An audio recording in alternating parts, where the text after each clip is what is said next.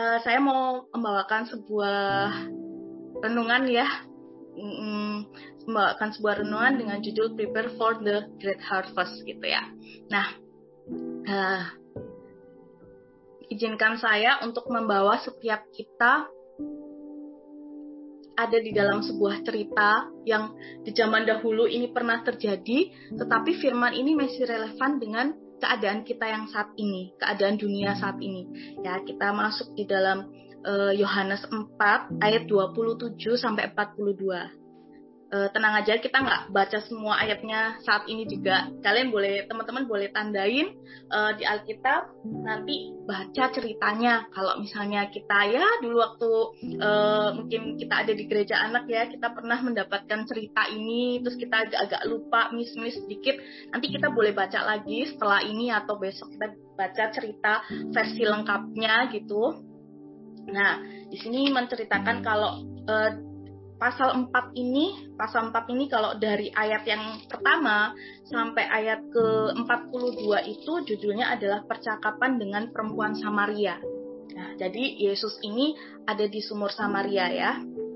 Oke, Yohanes 4 ayat 2, tapi kita akan lebih uh, saya izinkan saya membawa teman-teman lebih ke dari ayat 27 sampai 42. Nah, terus ada ayat yang paling menggelitik ya kalau kita baca uh, itu di pasal 4 ayat yang ke-35 dan pastinya kita udah nggak asing dengan ayat ini uh, apalagi ada lagunya ya kayak gitu. Uh, apa sering lah kita dengerin apa kita baca kayak gitu kan.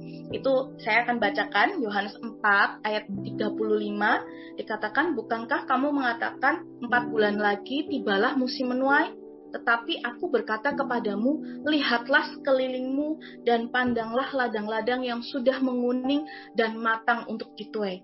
Nah, pasti ketika kita baca ayat ini, uh, pasti uh, teman-teman semua sudah menebak, ya ini masih tentang tuayan lah. Tuayan ladang sudah menguning, ayo tuai kayak gitu ya. Nah, uh, betul, betul. Tapi uh, kita mau lihat dari sisi yang sisi yang lain dulu saya mau bawa kita semua untuk melihat dari sisi yang lainnya dulu. Wah, sisi yang lain ya, sisi yang lainnya dulu. Uh, Oke, okay, sebentar ya. Kita bikin galeri aja. Oke, okay, ya. Gini, supaya saya bisa lihat teman-teman lagi. Biar lebih enak kita ngobrol. nah, jadi uh, ayat 27 sampai 42 ini menceritakan tentang Yesus yang ada di sumur Samaria. Ya, jadi uh, waktu waktu kita harus baca dari dari awal memang sih kita nggak bisa uh, cuma apa ya maksudnya satu satu kalimat dari ayat ini tapi kita harus tahu uh, kisah sebelumnya kayak gitu jadi Yesus itu um, sedang apa namanya me, melintasi daerah Samaria. Dan dia ada di sebuah kota di daerah Samaria itu. Nah, dalam ayat-ayat ini diceritakan kisah selanjutnya mengenai apa yang terjadi ketika Yesus berada di Samaria. Sesudah pembicaraannya panjang dengan seseorang atau seorang wanita ini. Nah, walaupun nah ini ya ada gambarnya ya. Gambarnya agak kayak kids gitu ya. Eh, kartun-kartun gitu mungkin karena saya lebih pelayanannya di anak-anak jadi saya menampilkan gambar yang agak kartun gitu ya atau supaya mata kita juga uh, nggak bosen gitu uh, walaupun sudah malam tapi saya yakin dan percaya Tuhan akan memberikan kita pengertian-pengertian yang baru uh, di dalam diri kita masing-masing kayak gitu. Kalau mungkin perkataan saya terbatas gitu atau nggak uh, nggak nyampe kayak gitu, tapi saya yakin dan percaya Roh Kudus akan memberikan pengertian kepada setiap kita. Nah, e, jadi kembali lagi, nah Yesus ini bercakap-cakap dengan seorang wanita, seorang wanita Samaria di uh, di sumur gitu ya. Yesus tuh waktu itu bilang sama wanita ini kalau uh, apa dia itu haus, dia perlu minum kayak gitu. Nah, tapi teman-teman tahu bahwa percakapannya itu sempat terputus percakapan wanita Samaria. Walaupun sebelumnya ada banyak percakapan yang sudah dilakukan oleh wanita Samaria ini dengan Yesus pada waktu itu. Tapi ketika murid-muridnya datang, nah percakapannya sempat terputus. percakapannya itu sempat terputus waktu murid-murid uh, murid-murid Yesus datang. Pada waktu itu murid-murid Yesus sedang mencari makanan buat Yesus. Nah, terus uh, murid-murid itu dari jauh itu melihat bahwa Yesus itu berbicara dengan seorang wanita, dengan seorang wanita Samaria dari kejauhan. Terus mereka tuh kayak heran gitu loh. Murid-murid itu sangat heran kenapa kenapa Yesus mau berbicara dengan wanita Samaria padahal secara uh, dari apa namanya secara uh, budaya gitu kan uh, Samaria dengan Yahudi itu tidak saling kenal gitu kan tidak saling kenal dan seharusnya Yesus itu tidak memberitakan uh, Injil atau kabar baik kepada wanita Samaria. Intinya mereka merasa bahwa kenapa Yesus itu mau berbicara dengan wanita Samaria? Kan wanita Samaria ini uh, mereka ini hidupnya kan mereka uh, hidupnya itu penuh dengan kehinaan atau miskin gitu. Tapi murid-muridnya itu lupa kalau mereka juga adalah sebelum mereka dipilih oleh Tuhan Yesus untuk ikut di dalam uh, menjadi murid Tuhan Yesus, mereka juga adalah seorang yang hina. Sama gitu. Tapi pada waktu itu mereka berpikir kenapa? Mereka bertanya mereka bertanya saling saling bertanya kayak gitu. Tetapi mereka tidak berani untuk mengutarakan kepada Yesus. Dan mereka uh, tidak berani mengatakan apa yang kau kehendaki, apa yang engkau percakapkan dengan wanita ini? Gitu. Uh, mereka tidak berani, tapi mereka cukup heran dan mereka simpan di dalam hati. Namun apa pun yang mereka pikirkan, mereka tidak mengucapkan sepatah kata pun. Kapan pun engkau telah berpikir jahat, maka tetaplah tekapkanlah tangan dan mulut. Jadi uh, sebenarnya ini ada baiknya juga ya. Kita juga belajar dari murid-murid ketika kita melihat sesuatu yang yang mungkin itu nggak sesuai dengan ekspektasi kita atau mungkin kita ngerasa kayak kenapa sih orang itu, kenapa gini, kenapa itu. Tapi murid-murid itu tidak langsung melontarkan pertanyaan kepada Yesus, kenapa, kenapa, dan kenapa. Ketika mereka mulai berpikir uh, di dalam pikirannya mulai berpikir akan berpikir negatif tentang orang lain, mereka cepat-cepat untuk me, apa namanya tangan ini menutup menutup mulutnya supaya nggak keburu-buru uh, untuk mencegah pikiran jahatnya berubah menjadi perkataan yang jahat. Ini kita juga belajar dari murid-murid juga. Kalau kita mendapati sesuatu mungkin uh, orang lain uh, kita ngerasa ngapain sih orang itu? Orang itu kan seperti ini seperti ini.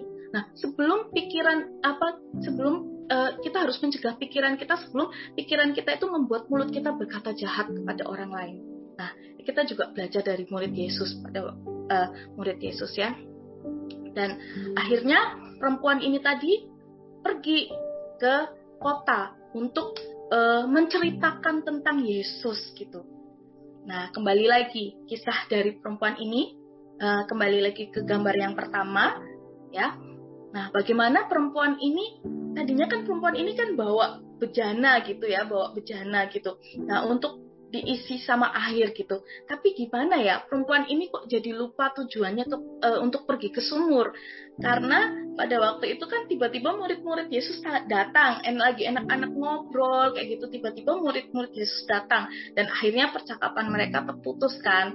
Nah sampai akhirnya perempuan itu lupa kalau dia bawa bejana. Tapi uh, saya mau bilang bahwa perempuan ini sangat sangat good gitu loh karena uh, ketika perempuan ini uh, lihat murid-muridnya mulai datang dengan dengan sikap hormat kepada Yesus, dia itu mulai menarik dirinya dan membiarkan untuk Yesus itu menyantap makanannya. Karena kan uh, Yesus ini belum makan nih waktu itu, dia lagi kelaparan gitu, lagi kelaparan. Nah, ketika muridnya datang membawa makanan, nah dia dia juga merasa bahwa oh ya biar aku memberikan kesempatan kepada Yesus untuk makan.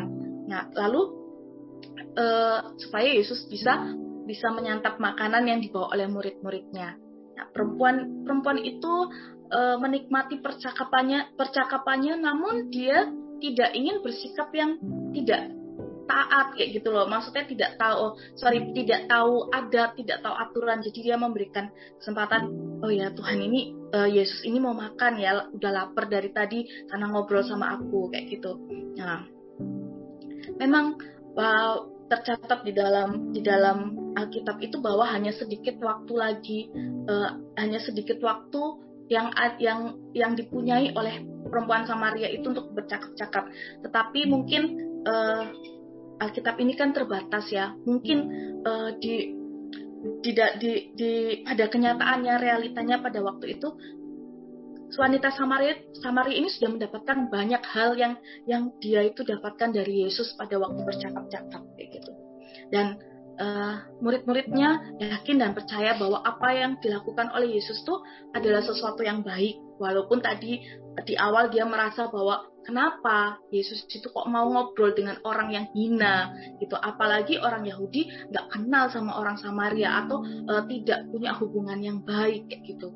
Tapi uh, murid-muridnya itu juga menyadari bahwa apa yang dilakukan gurunya itu adalah sesuatu yang baik gitu dan benar uh, ketika ketika apa uh, perempuan itu pergi nah ketika semak ketika kesempatan untuk mendapatkan sesuatu yang baik berakhir ini saya ada tulis lagi di slide selanjutnya hmm, boleh tolong slide selanjutnya ya lagi. Nah, ya, di situ dikatakan bahwa ketika kesempatan untuk mendapatkan sesuatu yang baik berakhir atau terpotong, kita harus mencari kesempatan untuk melakukan sesuatu yang baik. Ketika kita telah mendengar firman itu, maka tiba waktunya untuk berbicara mengenai firman itu. Maksudnya adalah waktunya kan udah habis nih untuk ngobrol sama Tuhan Yesus waktu itu uh, apa di sumur itu. Terus kemudian wanita Samaria ini pengen pergi ke kota ketika waktunya sudah habis untuk mendengarkan Yesus berbicara mengenai firman di dalam kehidupannya. Apa yang wanita ini lakukan? Dia pergi meninggalkan Yesus dan tempayan itu untuk dia menceritakan firman.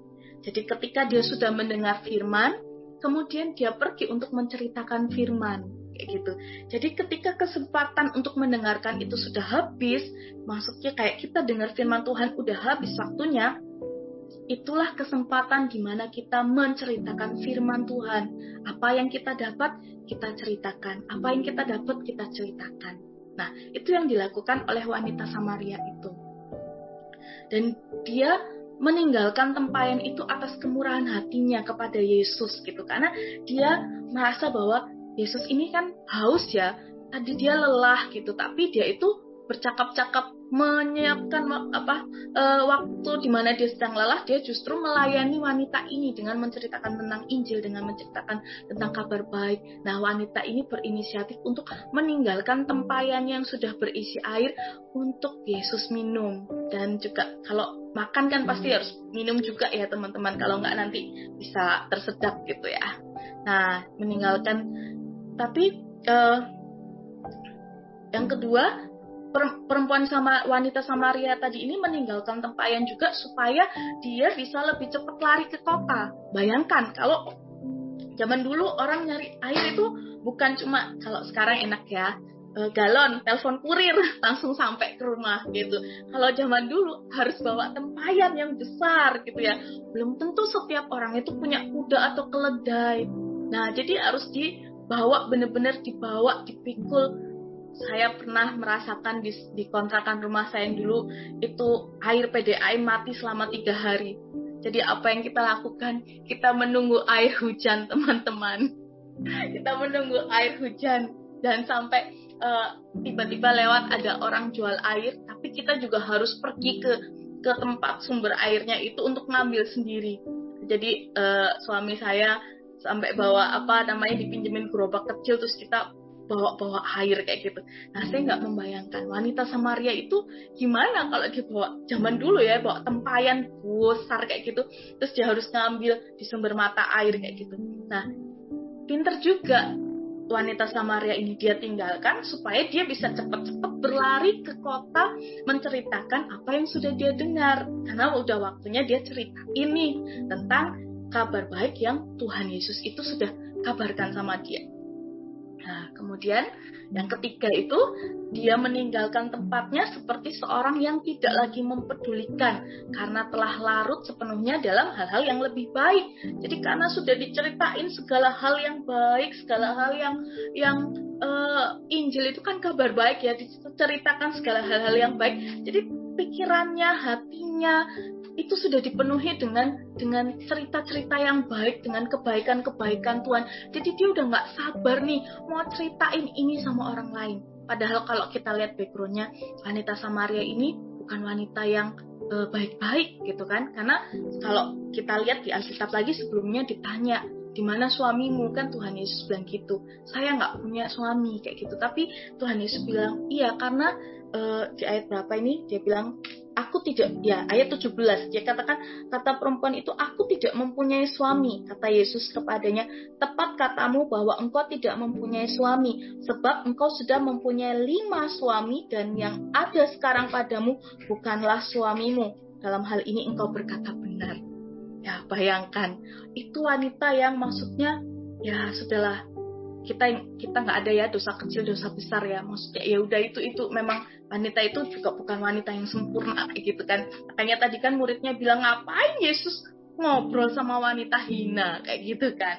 Tapi kan kita juga uh, ya jadi tahu ya paham ya. Jadi kayak wanita seperti itu ketika diceritakan tentang hal-hal yang baik kerajaan Allah dan sebagainya dia pergi menceritakan dia menceritakan itu kepada orang banyak.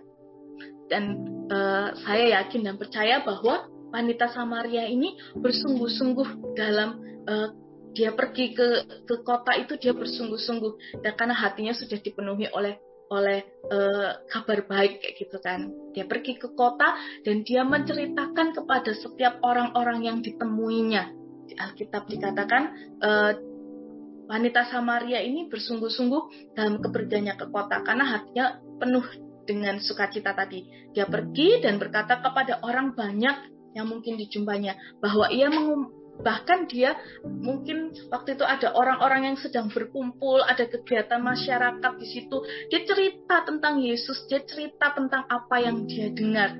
Tapi yang pinternya eh, wanita Samaria ini ketika dia mengumumkan ke banyak orang, wanita ini bilang, "Mari lihat, di sana ada seorang yang mengatakan kepadaku segala sesuatu yang telah kuperbuat." Jadi aku ini belum cerita apa-apa, tapi orang itu sudah ngerti bahwa aku tuh segala sesuatu yang telah aku perbuat dia itu tahu. Mungkinkah dia Kristus itu? Nah, dia bukan ketika dia datang, dia bukan bilang, eh, ayo cepet, kamu harus lihat itu Yesus. Kalau nggak kamu nggak masuk surga loh, kayak gitu. Bukan, dan penginjilannya bukan seperti itu. Yang wanita Samaria itu uh, lakukan adalah mengajak mengajak orang-orang itu berpikir jadi biar orang itu makin penasaran.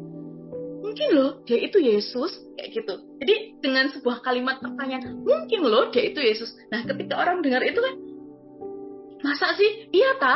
Iya ta? Kayak gitu kan. Kalau bahasa Surabaya gitu ya. Iya ta? Iya ta? Ayo ayo melok-melok kayak gitu kan ya. Nah, gitu. Jadi eh, wanita Samaria itu tidak mengancam orang supaya kayak ayo datang atau misalnya dia bilang kalau kamu tidak percaya kepada Tuhan Yesus kamu tidak akan masuk surga. Jadi wanita Samaria itu tidak mengatakan hal yang seperti itu tapi wanita Samaria itu mengajak orang itu berpikir dan bikin penasaran. Mungkinkah dia Kristus itu? Katanya. Nah kemudian akhirnya uh, kita perhatikan di sini sikap wanita Samaria ini bahwa dia memiliki hasrat yang besar teman-teman. Dia memiliki semangat yang besar supaya sahabat-sahabat, tetangga, dan juga orang-orang yang dia temui di mana pun ada mengenal Kristus dari satu orang. Bahkan satu orang ini adalah satu orang yang yang di mata masyarakat dia telah berbuat hina. Tetapi dari satu orang ini dia bisa mengajak seluruh Eh, orang-orang uh, yang dia temui untuk bersuka cita bersama dengan dia, untuk datang kepada Yesus. Dan uh, untuk bersama-sama dengan Yesus kan. Nah, terus uh, ada seorang teolog, seorang teolog dari seorang teolog dari saya lupa kalau nggak salah dari Swiss, namanya Aretius dia seorang teolog teologi dia mengatakan bahwa uh, dia yang dia yang pergi sebagai orang yang najis kembali sebagai pengajar kebenaran Injil. Nah, maksudnya seperti yang wanita tadi lakukan, dia bukan orang yang suci, dia bukan orang yang yang hebat, dia bukan orang yang fasih lidahnya untuk berbicara, dia bukan orang yang punya banyak pengetahuan, tetapi dia kembali menjadi pengajar kebenaran Injil, mengajak seluruh orang-orang yang dia temui untuk mengenal Yesus. Di sinilah kesempatan yang paling besar untuk uh, men dia menceritakan tentang Yesus dalam kehidupannya. Dan dan wanita Samaria ini, wanita Samaria ini sangat jujur ketika dia mengajak orang, dia tidak memaksa, tapi dia mengajak, dia kepengen dia membuat orang jadi penasaran. Dan dia ini jujur dan ber, berterus terang di dalam uh, di, ketika dia dia mengatakan hal itu dia berterus terang dia jujur dia bilang orang itu loh tahu apa yang aku lakukan segala dosa yang aku lakukan. Orang itu ngerti loh tapi aku banyak mendapatkan hal-hal yang baru ketika aku berbicara dengan dengan Yesus itu. Mendapatkan banyak pengetahuan ketika aku berbicara dengan Yesus Betul, karena Yesus adalah sumber hikmat. Sama seperti ketika kita mendapat masalah, kita datang sama Tuhan. Mungkin orang lain ketika kita telepon, belum tentu orang lain itu e, menerima telepon kita ya, kayak tadi ada yang sharing gitu. Tapi Tuhan Yesus itu teleponnya 24 jam teman-teman. Dia tidak pernah off. Kalaupun sekarang ini kadang sinyal itu sedang susah ya, Tuhan Yesus itu sinyalnya selalu kenceng gitu ya. Lebih dari uh, merek-merek yang ada di Indonesia ya. Saya nggak bisa sebutkan mereknya karena uh, bukan bukan brand ambasadornya ya. Jadi uh, Tuhan Yesus itu sinyalnya kenceng 24 jam. Kapan pun kita mau datang kapan pun kita ngomong sama dia Tuhan Yesus itu dia mendengar. Dia itu penuh dengan hikmat buat kita kadang-kadang uh, tanpa sadar ya kita ngerasa kayak ya kalau kita ada masalah yang kita cari dulu manusia gitu. Ya memang kalau kita cerita doa itu kita nggak akan dengar suara audible. Bisa sih dengar. Ya sering ya kalau memang betul kita mendengar Tuhan secara audible puji Tuhan. Tuhan Yesus itu juga bisa berbicara kepada kita dengan sangat kreatif, nggak harus secara audible. Kalau dulu mungkin eh, imam-imam zaman dulu itu bisa mendengar Tuhan itu secara audible gitu ya, secara nyata gitu.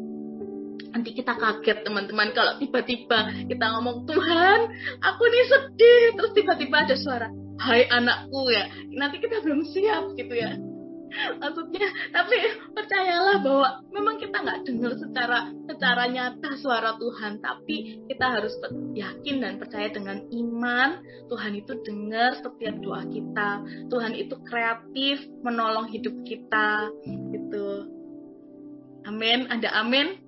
Hmm, ada ya ya Tuhan itu luar biasa jadi wanita Samaria ini sangat jujur uh, menceritakan tentang Tuhan sama orang-orang itu. Lalu kemudian uh, perempuan itu tadi, perempuan Samaria itu mengundang mengundang mereka untuk datang dan melihat. Dan apa yang terjadi? Betul, perempuan Samaria ini membawa setiap orang-orang ini kepada Yesus. Nah, ini baru pendahuluan teman-teman. Masih konsentrasi ya.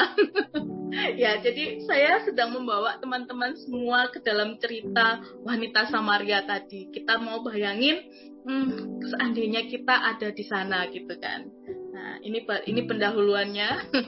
nah, terus uh, kemudian, nah, ada percakapan di mana waktu, uh, waktu waktu ini kayaknya udah slide yang selanjutnya. Ya, Nah, ini dia percakapan Kristus. Nah, kita masuk pada bagian percakapan. Nah, ini sudah mulai isi teman-teman. Saya kasih uh, ini ya tanda. nah, ini uh, kita akan ada di, di percakapan Kristus dengan murid-muridnya ketika perempuan itu pergi. Nah, pemuritannya di sini teman-teman. Nah, pemuritannya adalah ketika Kristus, ketika Yesus berbicara kepada murid-muridnya dia uh, murid-muridnya itu melihat bahwa Yesus ini kok begitu giatnya ya? Yesus ini kok gurunya guru ini kok begitu giatnya ya? Meluangkan waktu untuk berbicara kepada orang Samaria gitu. Padahal yang terjadi adalah faktanya Yesus itu sedang kelaparan dan murid-muridnya sedang memilihkan dia makan kayak gitu kan. Tapi kok sempet-sempetnya di tengah-tengah di mana dia harus mengisi perutnya itu uh, ya bisa aja kan dari perjalanan panjang.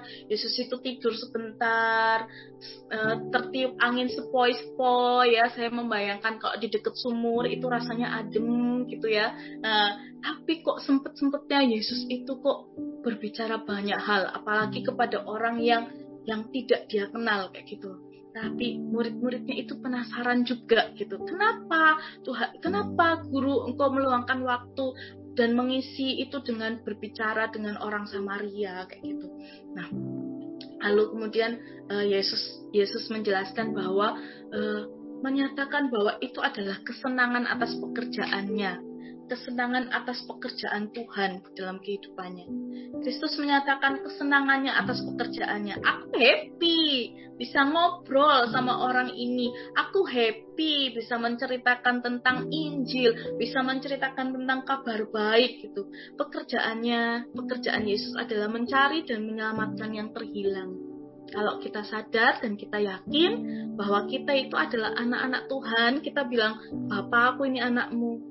Ya udah pekerjaannya itu adalah pekerjaan kita juga. Apa pekerjaannya? Mencari dan menyelamatkan yang terhilang. Dan berkeliling untuk melakukan kebaikan. Itu sebuah kesenangan. Luar biasa ya. Pekerjaan itu menjadi sebuah kesenangan. Sama halnya kalau uh, kita bekerja di dunia pekerjaan kita kalau kita menjalankan sebuah pekerjaan itu karena eh, dengan karena hobi kita. Hobi kan sebuah kesenangan. Nah kalau hobi kita bisa menghasilkan terus kita kerjakan kita uh, apa seneng di situ pasti kita akan mendapatkan hasil yang besar. Sama kayak kita ini pekerjaan kita sebagai anak-anak Tuhan kalau kita sel selalu kita mendengar dari coach kita dari dulu coach Oke TL uh, Ko Adrian sekarang coach Joel terus siapa lagi? Uh, pemimpin kita CGL kita kayak gitu kan. Aaron juga selalu bilang son of the vision.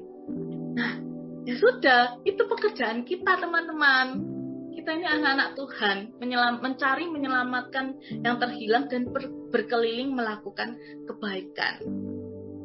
Uh, faktanya yang pertama adalah Yesus dia di sini Yesus ya. Pertama ini Yesus mengabaikan makanan dan minumannya demi pekerjaannya. Ketika dia duduk di tepi sumur, dia sedang kelelahan dan membutuhkan penyegaran, namun kesempatan untuk menyelamatkan jiwa membuatnya lupa akan rasa lelah dan laparnya. Nah, dia begitu tidak memikirkan makanannya. Dia bilang itu merupakan sebuah kesempatan, kesempatan uh, untuk menyelamatkan jiwa dan bikin dia itu jadi kayak ya udah aku kayak aku seneng mengerjakannya kayak gitu. Nah, lalu yang kedua, Yesus menjadikan pekerjaannya sebagai makanan dan minuman. Wah, ini yang menarik. Masuk sih menjadi menjadikan pekerjaannya itu sebagai makanan dan minuman. Gimana tuh pekerjaan yang harusnya dilakukannya di antara orang Samaria ya. Kesempatannya kesempatan untuk berbuat baik bagi banyak orang yang ditemuinya. Nah itu yang menjadi makanan dan minuman baginya. Karena pekerjaan itu dinikmati sama Tuhan Yesus. Yesus menikmati setiap apa yang dia kerjakan. Dan e, kita yakin bahwa e, Yesus itu sangat-sangat rindu bahwa e, sangat-sangat rindu dan selalu berharap untuk memperoleh kesempatan dan memanfaatkannya berbuat baik bagi jiwa-jiwa. Uh, senangnya itu mungkin jauh ya, jauh lebih daripada orang yang sedang berpesta pora. Kesempa, uh, kes, apa kesenangan itu lebih daripada orang yang sedang berpesta pora. Jadi bayangkan kalau ya uh, lebih dari kita dapat hadiah mungkin ya. Jadi kayak sukacita kayak kemarin ya saya jujur bersyukur ya. Uh, hari ini uh, orangnya belum bisa cerita dan belum bisa datang tapi saya kasih spoiler sedikit gitu ya. Saya bersyukur menyaksikan uh, ada salah satu anggota JG kita uh, dibaptis hari minggu lalu kayak gitu ya. Sukacita loh. Kayak maksudnya ya bukan saya kok yang menceritakan tentang Yesus kayak gitu. Ya saya ini mendampingi aja kemarin teman-teman. Saya itu mendampingi saya itu cuma uh, mendampingi dia kayak gitu kan.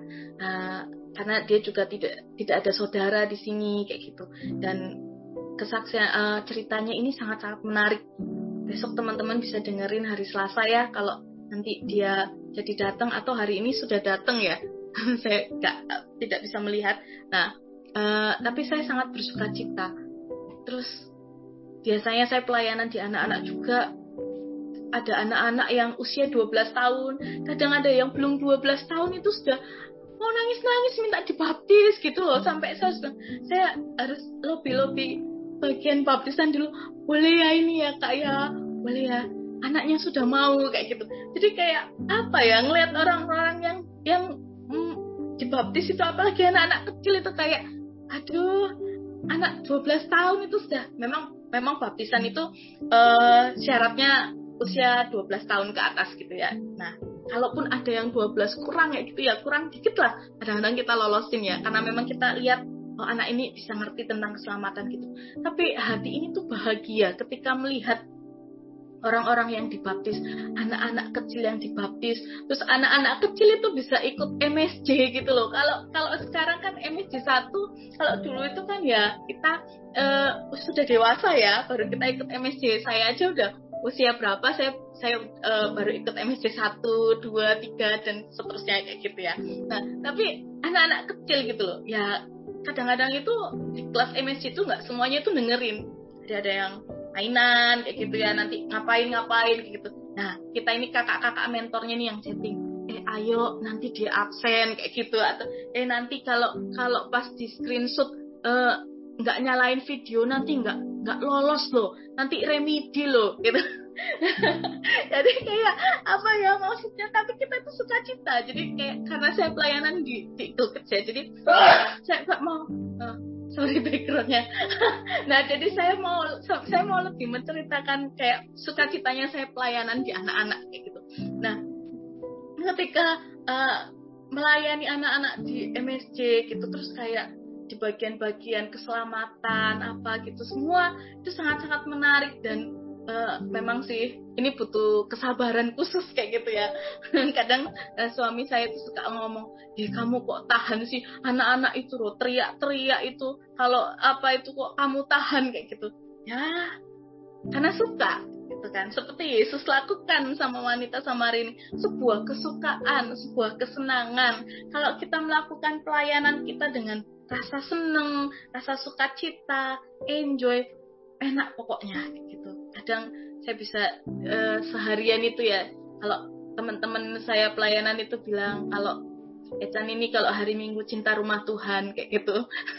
Jadi karena mereka lihat saya dari pagi nanti sampai sore, kadang malam masih ketemu kayak gitu ya. Nah jadi kayak berasa kayak ya ya ya memang suka cita gitu, seneng gitu uh, melayani anak-anak gitu.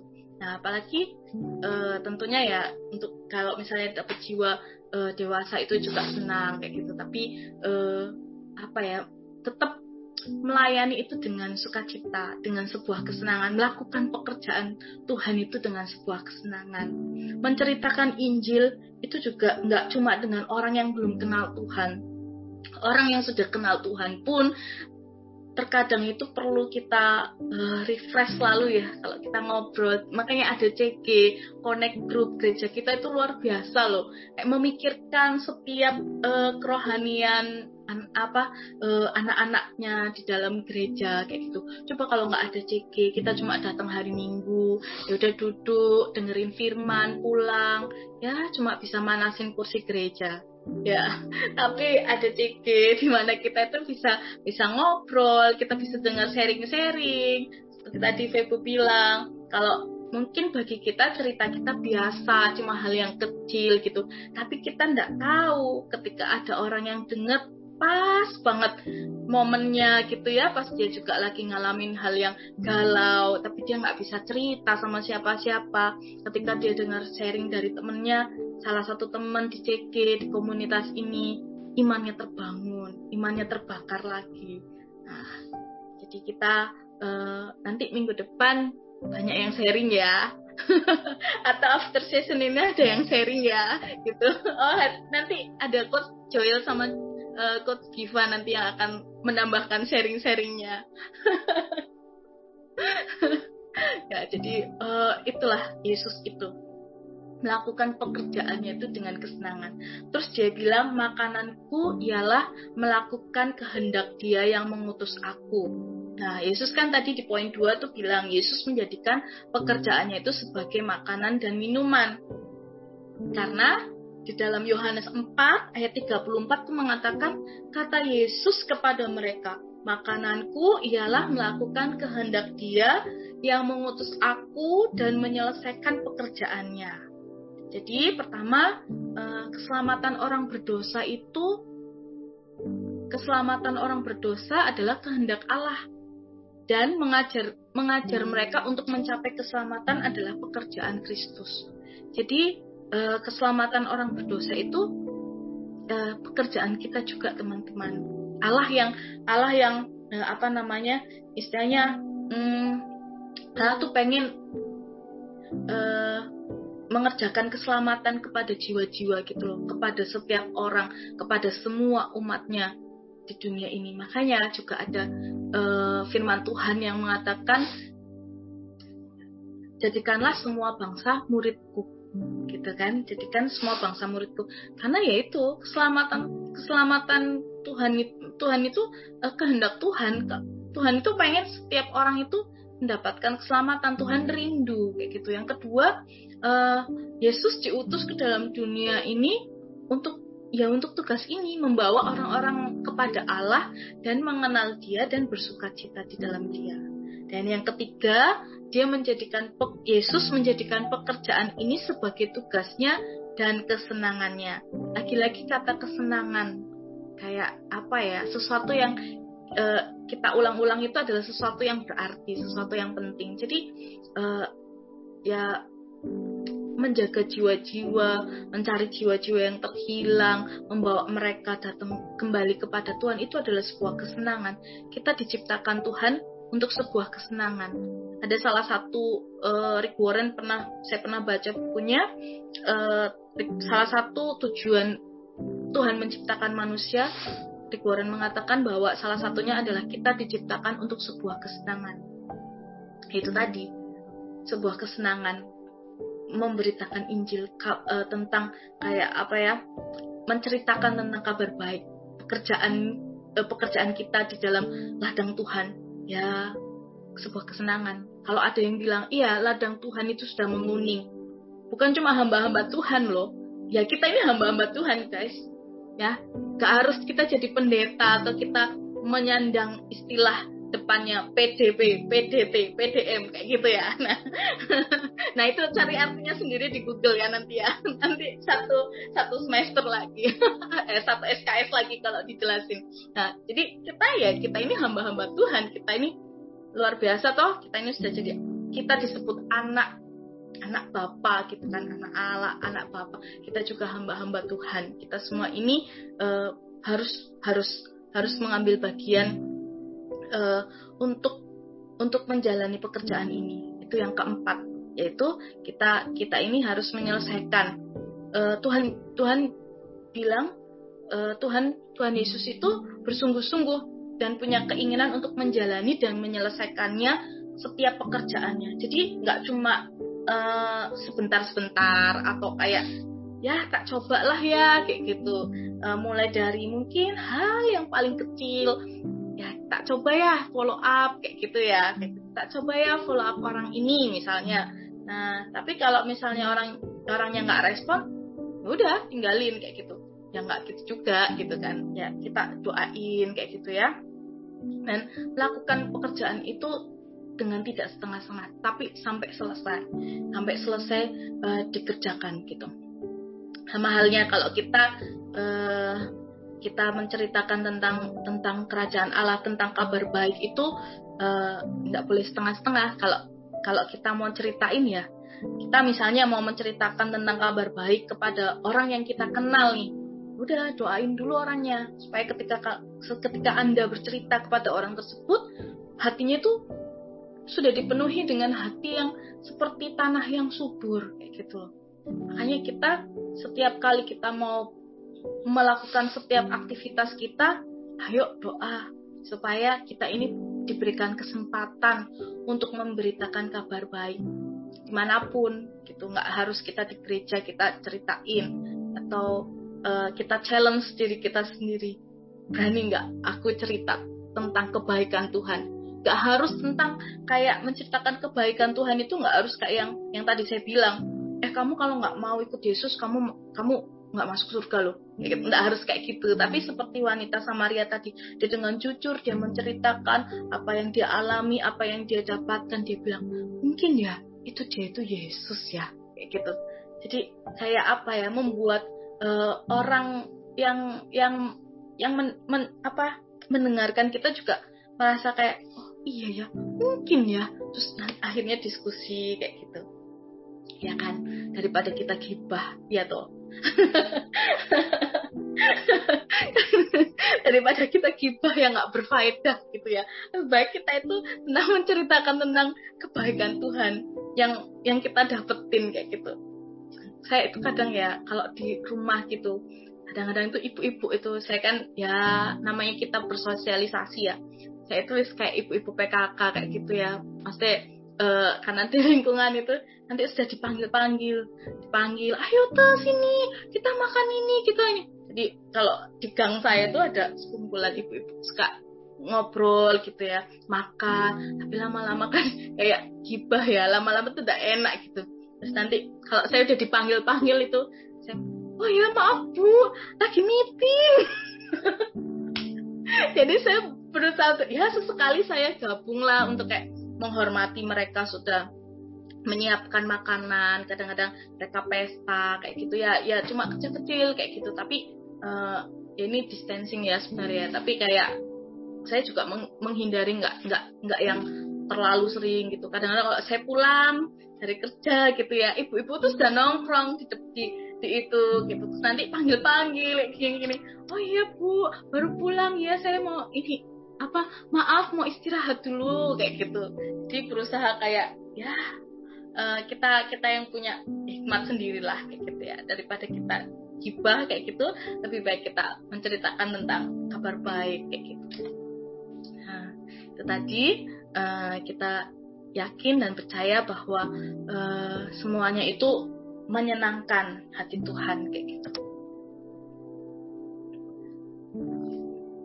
selanjutnya adalah uh, Yesus ini mengemukakan tiga hal kepada para murid untuk membangkitkan mereka. Jadi ketika Yesus ini sudah ngomong panjang lebar kayak gitu ya sama murid-muridnya, dia itu kepengen membangkit, membangkitkan supaya uh, murid-muridnya ini giat, giat memberitakan Injil, memberitakan kabar baik sesuatu yang dikerjakan giat itu adalah sesuatu yang dikerjakan terus menerus tidak berhenti jadi kayak nggak setengah-setengah itu dengan giat dia mengatakan bahwa pekerjaan ini adalah pekerjaan yang wajib dilakukan dan alasannya sangat mendesak dan penting. Nah, kembali ke ayat 35, tadi kan dikatakan yang saya baca di awal, bukankah kamu mengatakan empat bulan lagi tibalah musim menuai?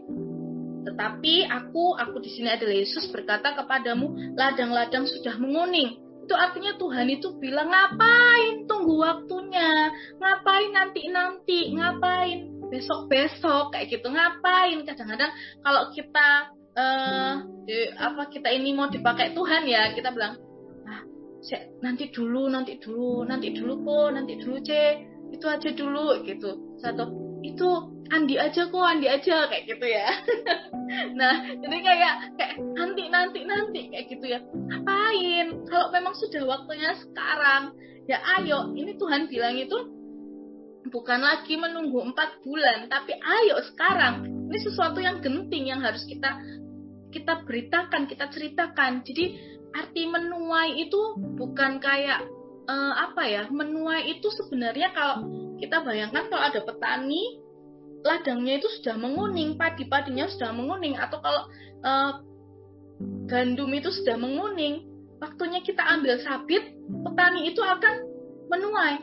berarti artinya apa menuai itu bukan kayak menerima sesuatu yang kayak uh, itu itu menikmati tuayan ya namanya kalau kita sudah kalau padinya udah udah banyak udah di kar, apa karung-karung terus dijual terus kita terus petani itu dapat uang. Itu namanya menikmati tuayan tapi kalau namanya menuai ambil sabit di, di ini dipotongi kan menuai.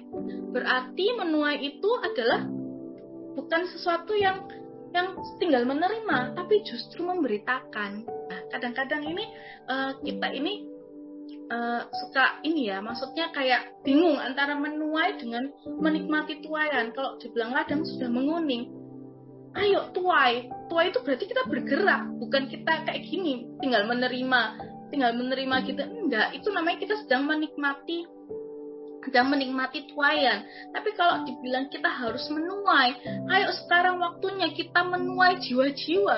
Berarti kita ini bergerak semuanya, bekerja keras dengan giat. Tuai, tuai, ambil sabit, tuai, tuai kayak gitu kan. Nah itu menuai kayak gitu. Kalau kalau apa? Mener, kita udah tinggal happy happy. Ya kalau misalnya kayak tadi kita lihat ada orang uh, dibaptis kayak gitu menerima menerima keselamatan itu sudah bukan menuai, itu menikmati tuayan, sudah menikmati jiwa yang sudah mendeklarasikan imannya kepada Tuhan, itu sudah menikmati tuayan kita. Tapi menuai, ya wes, ayo kita kerja, kita beritakan Injil, kita beritakan, kita cari orang-orang yang terhilang itu kita sedang menuai kayak gitu. Kita kita itu sedang menuai. Dan uh, yang kedua adalah bahwa pekerjaan itu adalah pekerjaan yang menguntungkan dan berfaedah dan mereka sendiri akan menjadi orang yang memperoleh keuntungan di ayat 36. Sekarang juga penuai telah menerima upahnya demikian juga kamu. Iya, penuai. Kita ini kita ini kalau kalau kita ini e, menjadi seorang penuai, berarti kita pemberita Injil, kita memberitakan kabar baik, kita akan menerima upahnya. Yaitu upahnya nanti adalah mahkota kerajaan Allah. Ada di lagunya anak-anak kecil itu ya. Uh, gak tahu ya siapa yang inget uh, dibilang pakai baju putih. Terus apa saya lupa ayatnya apa liriknya itu ya. Pak intinya itu kayak kita pakai baju putih terus ada ada mahkota di di atas kepala kita kayak gitu. Nah, itu adalah upah kita sebagai penuai gitu. Nah, amin saudara-saudara seneng banget saya kalau lihat ekspresinya amin gitu ya. Nah kita ini siap jadi penuai ya. Kita siap jadi penuai. Jadi penuai itu berarti bukan kita cuma melihat orang yang eh orang itu loh diselamatkan, ya baptisan diselamatkan. Tapi kita ini ayo, kita ini nggak cuma nggak boleh cuma lihat, kita ini tuai, tuai, kita ambil sabit kita tuai. Eh bukan berarti kita ini ambil sabit terus kita iniin orang ya, nggak maksudnya adalah kita ini ayo semangat kita beritakan Injil, kita beritakan kabar baik gitu. Karena orang yang menuai itu juga eh, kita sebagai penuai kita itu akan mendapatkan sukacita. Nah, di gambar yang selanjutnya ada nah ini tadi yang saya bilang ya uh, Aret Aretius ini. Jadi benar-benar orang Samaria ini membawa banyak orang datang kepada Yesus dari satu orang kayak gitu.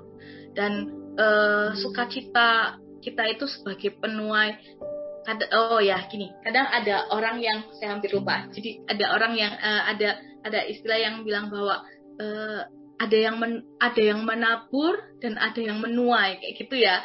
Pernah ya kita dengar ada yang menabur ada yang menuai gitu. Ya kadang-kadang kita kayak ngerasa aduh dia yang nabur eh aku yang nabur nih gini gini eh lah dia yang tua kayak gitu ya. Nah memang agak-agak kayak gimana kayak gitu ya. Tapi percayalah semua itu sama sama rata. Tuhan itu uh, Tuhan itu enggak enggak enggak kayak mem, me, membandingkan oh kamu yang nabur kamu dapat uh, katakan 80 kayak gitu ya. Nah kamu yang nuai kamu dapat 20 enggak sukacitanya itu sama kayak kita itu melayani bagian apa pun pelayanan kita kita itu tetap sama di hadapan Tuhan enggak cuma eh pelayanan aser ya nilainya kecil di hadapan Tuhan. Oh itu yang khotbah nilainya besar di hadapan Tuhan. Enggak teman-teman semua sama. Walaupun ada di sini uh, kayak yang CG, yang bagian sermon kayak saya, terus ada yang bagian PAW, ya ada bagian yang ah sponsor ini ya cuma follow up, uh, eh nanti datang ya atau apa. Semua sama teman-teman bagiannya. Begitu juga pun dengan kita yang yang yang masih menjadi member di CG ini. Semua sama. Kita ini dapat bagian itu rata. Tuhan itu adil bagiannya tuh sama-sama bukan kayak ih aku nggak ngapa-ngapain dia yang dia yang bawain firman dia lebih gede enggak semuanya sama jadi baik penabur atau penuai itu sukacitanya sama tidak ada yang beda Tuhan itu tidak membeda-bedakan. Tuhan itu tidak membandingkan satu dengan yang lain. Gitu ya. Jadi uh, tetaplah menabur dan tetaplah menuai. Kalau memang bagian kita itu menjadi seorang penabur, taburlah hal-hal yang baik. Taburlah dengan sebuah uh, keyakinan bahwa apa yang aku taburkan ini adalah benih yang tumbuh di tanah hati yang subur.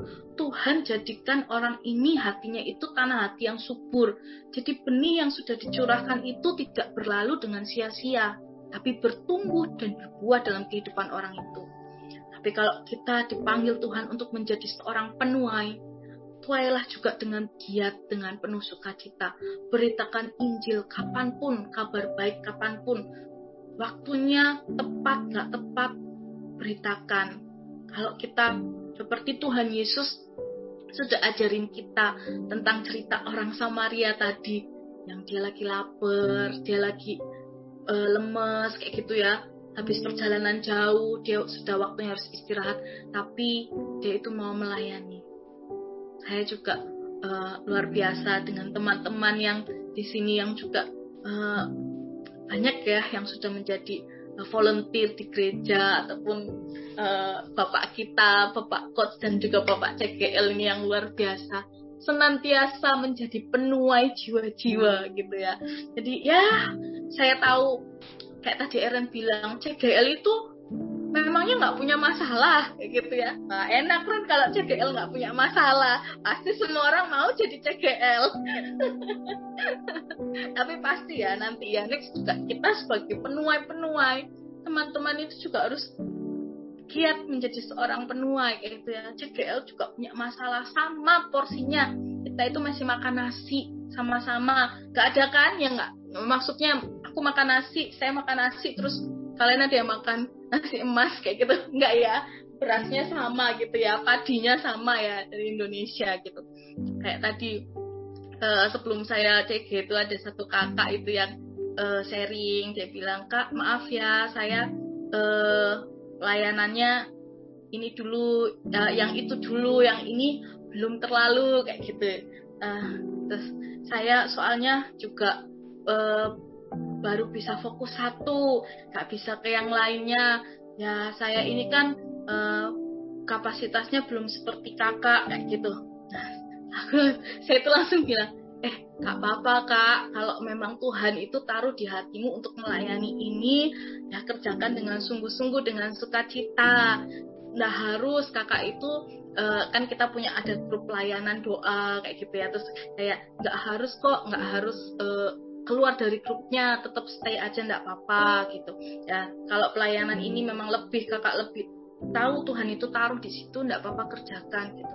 Terus juga nanti kalau Tuhan sudah berikan kakak pelayanan lagi yang lain, Tuhan itu pasti mampukan perbesar kapasitasnya. Saya bilang gitu e, karena ya saya bilang tuh saya bilang gini bagian dia kas dia ngomong ya saya soalnya belum bisa uh, punya apa kapasitasnya belum seperti kakak tuh saya reply loh kita kan sama-sama makan nasi.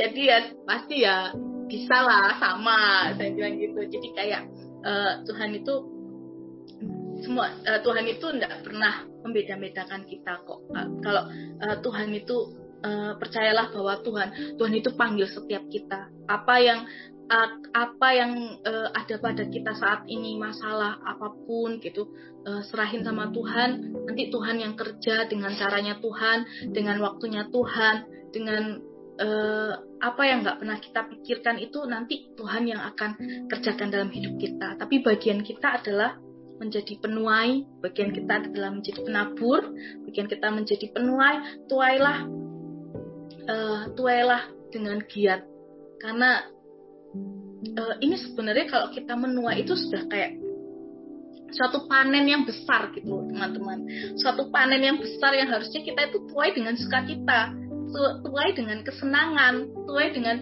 bukan lagi kita mikirin diri kita sendiri, aduh Tuhan aku banyak masalah, aku nggak bisa ini, nggak bisa itu, gimana aku hidup dan sebagainya. Stop mengasihani diri sendiri, stop berpikir bahwa cuma kita yang punya masalah besar, yang lainnya masalahnya kecil.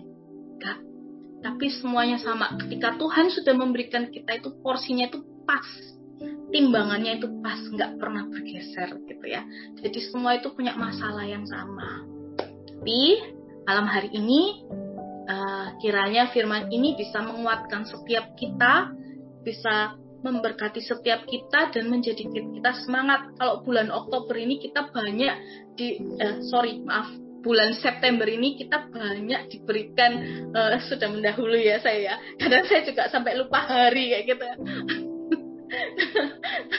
Nah apa bulan September ini udah diberikan uh, banyak kita diomongin tentang penabur, penuai, benih, apalagi kemarin ya. Pokoknya tentang tuayan-tuayan, tentang semuanya itu tentang jiwa-jiwa yang harus kita layani, teman-teman. Semuanya itu tentang itu. Apa pun yang kita alami, enjoy aja, nikmati, siapin diri kita untuk tuayan besar udah nggak perlu nunggu besok sekarang ini waktunya kita menuai sekarang malam ini juga kita mau bersorak-sorai karena kita ini sedang menuai tuayan besar tuayan yang yang uh, yang luar biasa kayak gitu. Dan gambar terakhir ini tadi yang ada ini ya yang ini ini ditampilin ini adalah uh, sebuah dampak yang terjadi ketika Yesus menceritakan hanya kepada satu orang dan satu orang ini sungguh-sungguh dan ketika Yesus melayani uh, ketika Yesus melayani dengan sukacita dengan sebuah kesenangan dari satu orang ini muncul banyak banyak banyak banyak banyak orang. Itu di situ uh, di gambarnya itu kelihatan ya kalau wanita itu lagi kayak gini. Ayo gitu kan. Ayo ini Yesus yang tadi aku ceritakan. Ini loh dia Mari kita punya hati yang seperti wanita Samaria ini. Bahwa banyak orang kepada Yesus dan bilang, ini loh yang Yesus ceritain. Eh, ini loh yang Yesus, yang aku aku uh, aku ceritain tentang Yesus tadi. Ini loh, ini loh, ini loh. Kayak gitu. Nah kita mau punya hati seperti wanita Samaria tadi. Ayo, waktunya sekarang kita menuai. Dan saya tutup dengan uh, ini ya tadi ya uh, oleh kesaksian perempuan itu mengenai Kristus meskipun hanya satu kesaksian dan bukan merupakan laporan yang baik. Istilahnya kayak ya cuma kayak tadi dibilang uh, Febo bilang ya jangan ngerasa ya kalau kita sharing itu uh, biasa-biasa aja. Ah sharingnya B aja aku gitu ya. Nah gak gak tapi kita juga harus tetap kita harus yakin satu kesaksian itu dan kesaksian itu lebih dari ia mengatakan kepadaku segala sesuatu yang telah kuperbuat. Namun kesaksian itu memberi pengaruh yang baik atas banyak orang. Nah, satu kesaksian bisa menjadi pengaruh yang baik atas banyak orang. Lalu kemudian mereka dibawa kepada dua hal. Nah, yang pertama untuk mempercayai perkataan Kristus, ayat 39 tadi, banyak orang Samaria dari kota itu telah menjadi percaya kepadanya karena perkataan perempuan itu, ya kan? Karena satu orang itu banyak orang itu jadi percaya. Dan yang kedua, mereka mencoba membujuknya untuk tinggal di antara mereka. Ayat 40. Ketika mereka datang kepadanya, mereka meminta kepadanya supaya ia tinggal pada mereka. Wah, senang ya kalau kita ini kayak di uh, apa ya? Maksudnya Tuhan Yesus tuh loh.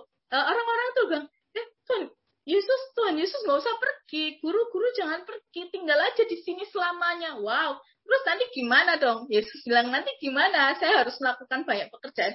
Saking orang itu sudah kesemsem sama Yesus gitu loh. Luar biasa ya, itu sebuah kayak ya kita tidak boleh bangga sih kebanggaan itu cuma milik Tuhan kemuliaan itu cuma milik Tuhan. Kalau kita di pelayanan kita ini kayak dieluk-elukan kayak gitu. Kita ini kayak wah gitu. Nah, itu itu kebanggaan itu kita kembalikan lagi sama Tuhan gitu. Tapi uh, ada satu perasaan yang bahagia ya. Ternyata hidup kita itu berdampak buat banyak orang kayak gitu loh. Itu yang itu yang harus uh, kita ini harus uh, terus lakukan dengan giat supaya hidup kita tuh berdampak. Menuai menuai dan menuai. Yang terakhir slide terakhir nah God bless you all.